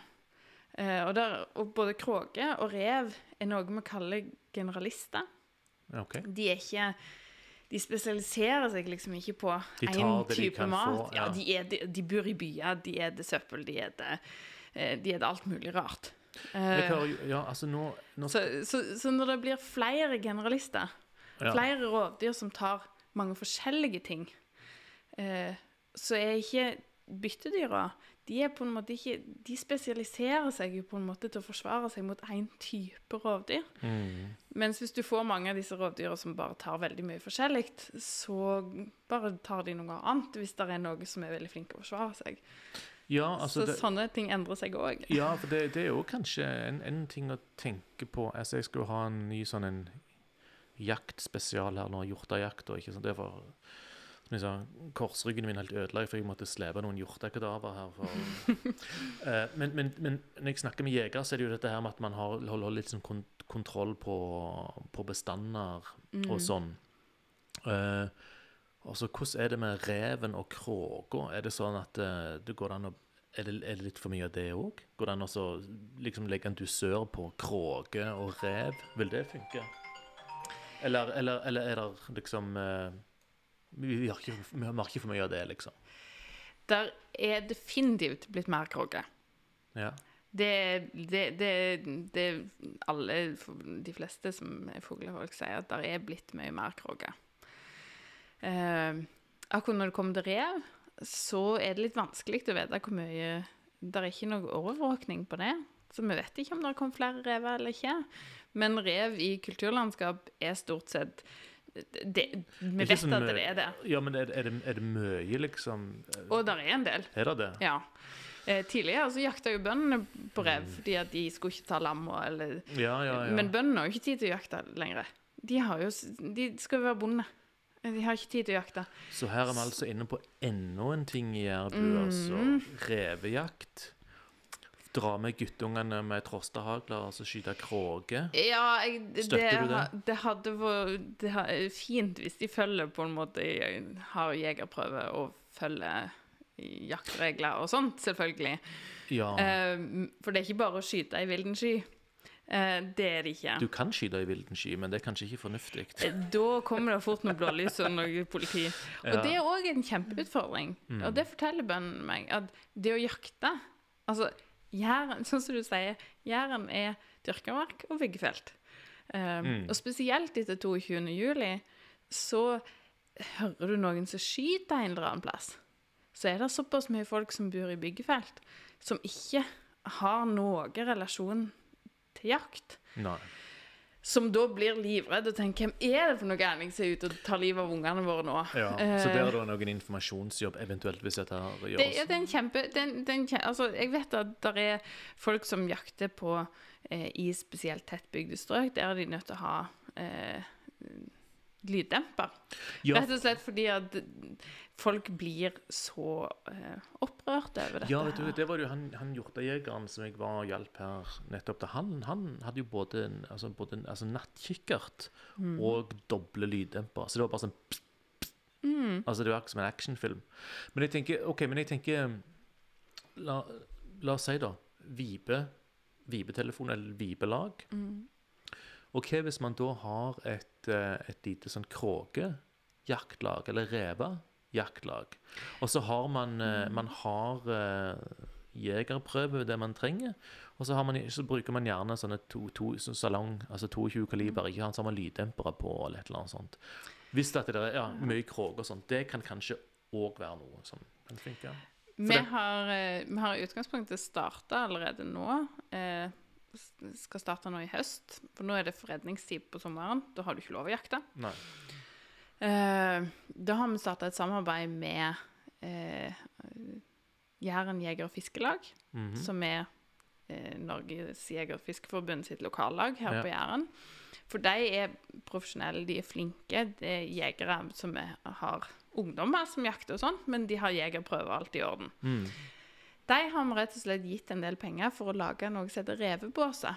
Som er Felle. felle for rev. Ah. Men disse må ofte stå ute ganske lenge før reven For reven er glup. Og kråka er også glup. Ja, de er, Eh, ja, de er sånn de- luringer, Ja, de de er veldig smarte. Ja, ja. Eh, Så disse revebåsene må stå ute ganske lenge før du faktisk får reven til å gå i de. Ja. Eh, og da De ønsker samarbeid med bøndene. Så hvis bøndene er interessert i å samarbeide eller har, vet at de har rev hos seg, så kan de ta kontakt med Jæren jeger- og fiskelag og få en avtale med at det står en revebås hos deg. vet du hva, altså, jeg, når jeg hører deg prate så sier jeg, det er jo mye bra her vi prater om som vi kan gjøre, Mm. men jeg føler det er litt sånn fragmentert. Ikke sant? Altså, nå har vi snakket om et vibelag, nå er det liksom dette her med jakt- og fiskeforening, Mm. altså der finnes det noe, altså, dette her, alt dette her må jo komme, altså det må jo på en måte komme ihop på en slags ressurswebside, eller et eller annet sånn, ikke sant? Altså man kan gjøre dette veldig enkelt som bonde. Ok, jeg vil bli kvitt noe rev og kråke, da ringer jeg deg. Jeg trenger noen til å gå manngard, da ringer jeg deg. Vi kan gjøre ting her. Ja, ja det er mange ting å gjøre. Eh, Og det var, det var ikke så mye av dette som var påbegynt i fjor. Så det er mye som har skjedd bare det siste året. er det det? Ja. Så her er det, der er ting i bevegelse. Og ikke minst Jærbu må jo være virkelig på ballen, da, siden dette her ikke er kommet ut engang. Ok, Så da er det kanskje her man kan høre litt grann av dette. Okay. Eh, Du kan ha, eh, du kan ha fangstfelle for kråker kråke òg. Det ligger litt det, syltøy oppi. Det er mye sånn sylbestikk som ligger ute her på gjerdet, Ja, som ikke det- brukes noe. det er ravnene som tar det. Ravnene, ja. Men ja, ja, kråke, går Men an. hva var det jeg tenkte på? Kråkesølv? Ah, det er sånn stein, det. Det er stein. Det, da er du geologi. Ja, det var det, ja. Uh, nei, men så kråke, det går an. Og så går det an å rett og slett utfordre kommunene litt. Fordi der ah. de kan innføre noe som heter skuddpremie. Både på kråke og på rev. Og på mink eller på andre Ja, ting. vet du hva? Der er, der er, der er utrolig altså Ungdommen nå til dags de driver jo og jakter veldig mye. Men de jakter jo på folk. og så gjør de det, gjør de det på datamaskinene sine. Ja. Ikke sant? Og tenker sånn, få, få Gi ordentlige våpen til, til ungdommene. Få de opplærte, og så få de ut. Og så kan de holde på og så tjene lommepenger på litt andre måter. Altså, Dette er ikke for alle, da, selvfølgelig, men, men det er jo garantert hvis du kan tjene litt penger på det. det folk har sikkert løpt imot mot det, syntes det var stas, ikke sant? Jeg vet at eh, Gjesdal kommune har skuddpremie. Både, de har iallfall på rev. Eh, problemet med skuddpremie er ofte det at det må gjennom en politisk avstemning som sier ja, vi vil ha skuddpremie på rev eller på kråke i vår kommune. Og da slår det inn det at det er veldig mange som ikke syns jakt er så kjekt. Så her har vi Eh, da Det er rett og slett politikken som stopper mye av det. Så her har vi da, uten å nevne partipolitisk tilhørighet, men der finnes det jo på en måte Det finnes jo folk som på en måte tror at eh, middagen kommer fra himmelen. Altså, liksom, altså, det, med, altså det, det å bare ta livet av ting er liksom uaktuelt, samme hva det er for noe. Så da er det sånn OK, de tar vipekyllingene, og det er masse av dem, men de skal likevel ikke skytes av prinsipp. Er det det som er Det er jo noe med de, fordi at det, Jeg har, fordi det er jeg, har hørt, ja, men jeg har hørt folk som rett og slett kaller jegere for lystmordere. Det er jo ikke Ja. akkurat et kjekt stempel å ha på seg.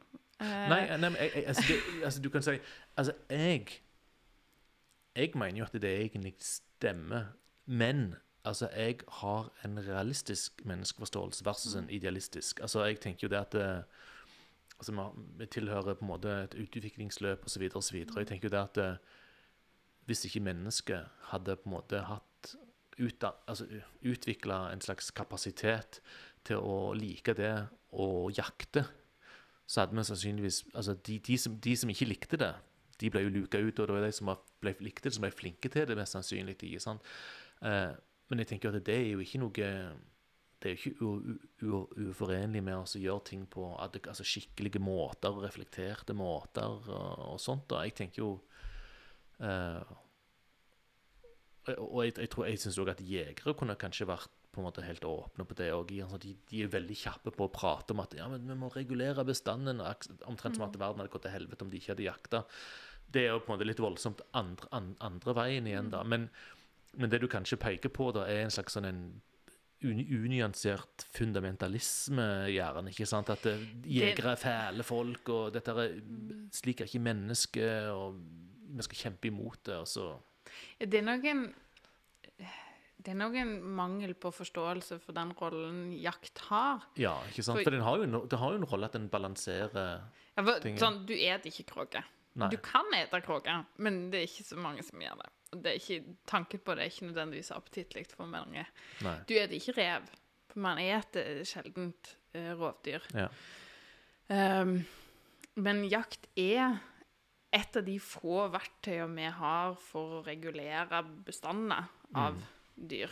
Uh, og når vi mennesker kommer inn og gjør hele Jæren om til dyrka mark, Ja. uh, så dytter vi på en måte de naturlige artene veldig ut i periferien. Mm. Eh, og hvis vi da ikke i samme slengen aktivt går inn og prøver å regulere, prøver å ta vare på de artene det er få av, og prøver å begrense kanskje de artene det er for mange av, eh, så Vi kunne jo sagt at eh, drit i dem, de som overlever, overlever. Men da er det veldig mange arter som hadde mista. Ja, ja. Nei, men, men, Eh, og da hadde jo det blitt for mange, for mye av en annen art. Ja, ja. Eh, ei rev, eh, ei revtispe, hun eter ett tonn med mat i den perioden hun har et kull. Oi. Og det er ikke gras. Det er ikke gras. Nei. Og da er f.eks. vipunger veldig kjekke, for de bare piler rundt der. Det er jo et fint matfat. Mm. Og jeg vet det at jeg tror det var en studie fra England For altså, der er rev som lever midt i London. Rev trenger ikke bo i, i, på høgfjellet. Eh, der tror jeg de hadde lagt ut ulike typer mat for å se hvilken mat eh, reven foretrakk. Mm. Egg var en av de tingene de tok først. For det er jo Altså, egg er jo en energipakke Mm. Ja, ja, ja, klart det. Herregud. Eh, så, så det at der er rovdyr, eh, vi kan Den eneste Altså, jeg vet ikke om så veldig mange andre måter å forvalte en revebestand på Nei, nei. enn å gå inn og ta ut dyr. Og jakte på den, enten om du jakter med, eh, med åte, at du sitter på post og har åte, eller at du har fangstfelle, Mm. eh, så er det bare den måten du kan regulere rev på. Ja, ja, ja. Eh, for rev spiser jo søpla vår, så det er jo liksom ikke, det er ikke Vi kan ikke begrense mattilgangen hans. Nei, nei. Eh, og jeg tenker at det er jo Er man ung, har man lyst til å prøve seg på dette, ta kontakt med Jæren jeger og fisk. Du får opplæring. Det er engasjerte jegere som virkelig brenner for dette. Kan så mye. Fordi at det å sende ungdommer ut med gevær og skyte i villen sky, syns jeg høres ut som en særdeles dårlig idé. nei, man må trene de først, altså. De må, Ja. men, du kan, men du får Eh, jegerprøven som 16-åring, eh, gjør du ikke det? Så det, det burde du egentlig gå greit. Ja, og det, men òg det at du faktisk har Du lærer litt holdninger. Mm. Du lærer at det er ikke bare å skyte etter dyret, men du kan kun skyte det når det står i ro, når du er sikker på at du faktisk treffer det og tar livet av det, fordi at vi ønsker at det skal dø humant, Ja, ja, ja. uten at det går og lider i mange dager etterpå fordi du har bomma. Selvsagt. Eh, så dette her er viktige ting hvis man skal ha, forstå eller bruke jakt som redskap til å regulere bestander. Mm, mm. Og her altså må, her må kommunene kanskje komme på banen og så, så, så skape litt insentiver for, å, for å ta litt rev og kråke. Um, som da sannsynligvis er med på å luke ut veldig mange av disse herrene eh, vipene. I, til, Mm. I tillegg til selvfølgelig jordbruket og dette her. Um, er det noe, noe som eh, vi ikke har tatt opp nå? Jeg vil, jeg vil jo dette jeg vil at denne episoden skal være på en måte den altså autoriteten. da. Altså her er på en måte referansematerialet for hele Vibe-samtalen her på Jæren. ikke sant? Og at det, altså folk kan på en måte få et overblikk på alt, bare med å sette seg ned og se ja, oppimot en halvannen time. Er det noe vi mangler? Er det noe vi ikke har tatt opp, noe viktig? Så du tenker Jeg tror vi har vært innom veldig mye. Ja. Eh, Jeg tror det, det viktigste er å vite at det er mange som er interessert i å hjelpe Viba. mm, Eh, og det at vi krangler om hvem sin feil det er at vipebestanden går ned, hjelper ikke vipa. Men det at vi faktisk leter etter løsninger, leter etter aktive ting vi kan gå inn og gjøre, er det som faktisk kan hjelpe vipa. Ja, og, ja, og jeg, jeg, jeg, tror jeg, jeg føler egentlig vi har vært, vært nokså konstruktiv og kommet med konkrete ting. Og det er jo, det er jo ting som skjer. Uh, Sjøl så tenker jeg òg at eh, Nå drar jo du tilbake til fylkeskvinnen. Eh, og dere jobber jo med dette her. Du jobber jo med dette her. eh, og der kommer ting. Mer, altså flere ting som du sier. Alt dette er veldig ferskt, ikke sant? Så det, det, det, det jeg håper kan, kan skje nokså nok greit altså før neste våren, da, kanskje, ikke sant, er at det, der kommer en slags sånn en sentralisering, et, et eller annet som gjør det veldig lett for bonden, eh, bøndene som ønsker å, å, å gjøre noe, at de kan få på en måte, få informasjon de trenger, de kan få hjelpen de trenger, eventuelt enten det er tallerkener eh, eller jegere, eller kanskje folk som kan komme og så gå manngard og, og, og leide etter, et, etter egg. Ehm, og så tenker jeg det kanskje at uh, vi kan jo snakkes igjen når det nærmer seg nærmer seg våren, og se litt hvordan det, hvordan det ligger an. Også en oppfordring til, til kommunene. Uh, tenk litt på å få, få jobbe litt med bestanden, ikke sant, kanskje. Eh, trengs det noe forsk... Altså, du sa vi vet jo egentlig ikke hvor mye de, de tar. For, altså, dette kan man jo kartlegge litt, eller er det noe på gang der, eller? Man trenger alltid mer forskning. Eh, Ja. Men eh, vi får se. Vi, vi ser litt på hva er det vi prioriterer. Det er ikke, ja, det er ikke, det er det er snakk om penger, da. Det Ja, er alltid alltid snakk om penger. Ja, for dette, det, er ikke, det er ikke sånn at, det sånn at vibebestanden her blir en kollaps eh, neste år. Sånn er det ikke, liksom. Nei. nei. Um, Vi har vipetellinger hvert år. og Det gis penger til kartlegging av viper i ulike kommuner og sånt hvert år. ja. Eh, noe som gjør at vi har her i Rogaland har vi faktisk ganske god oversikt ja, okay. over hvor mye vipe vi har. Ja, Eh, den vil nok fortsette, den kartlegginga. ja, det er bra. Og nå har jo dere blitt gjort eh, oppmerksom på en kanal dere har om ting skulle endre seg, eller noe dere vil få ut, så er dere hjertelig velkommen til å komme tilbake her til Jærbu, selvfølgelig. Eh, da vil jeg eh, takke deg, Margit, for å komme her til Jærbu og fortelle meg om hvordan det står til, og alle andre der ute. Takk for at jeg fikk komme. Ja, og så, eh, så snakkes vi. Ja, vi får gjøre det. Ja, ha det, ha det.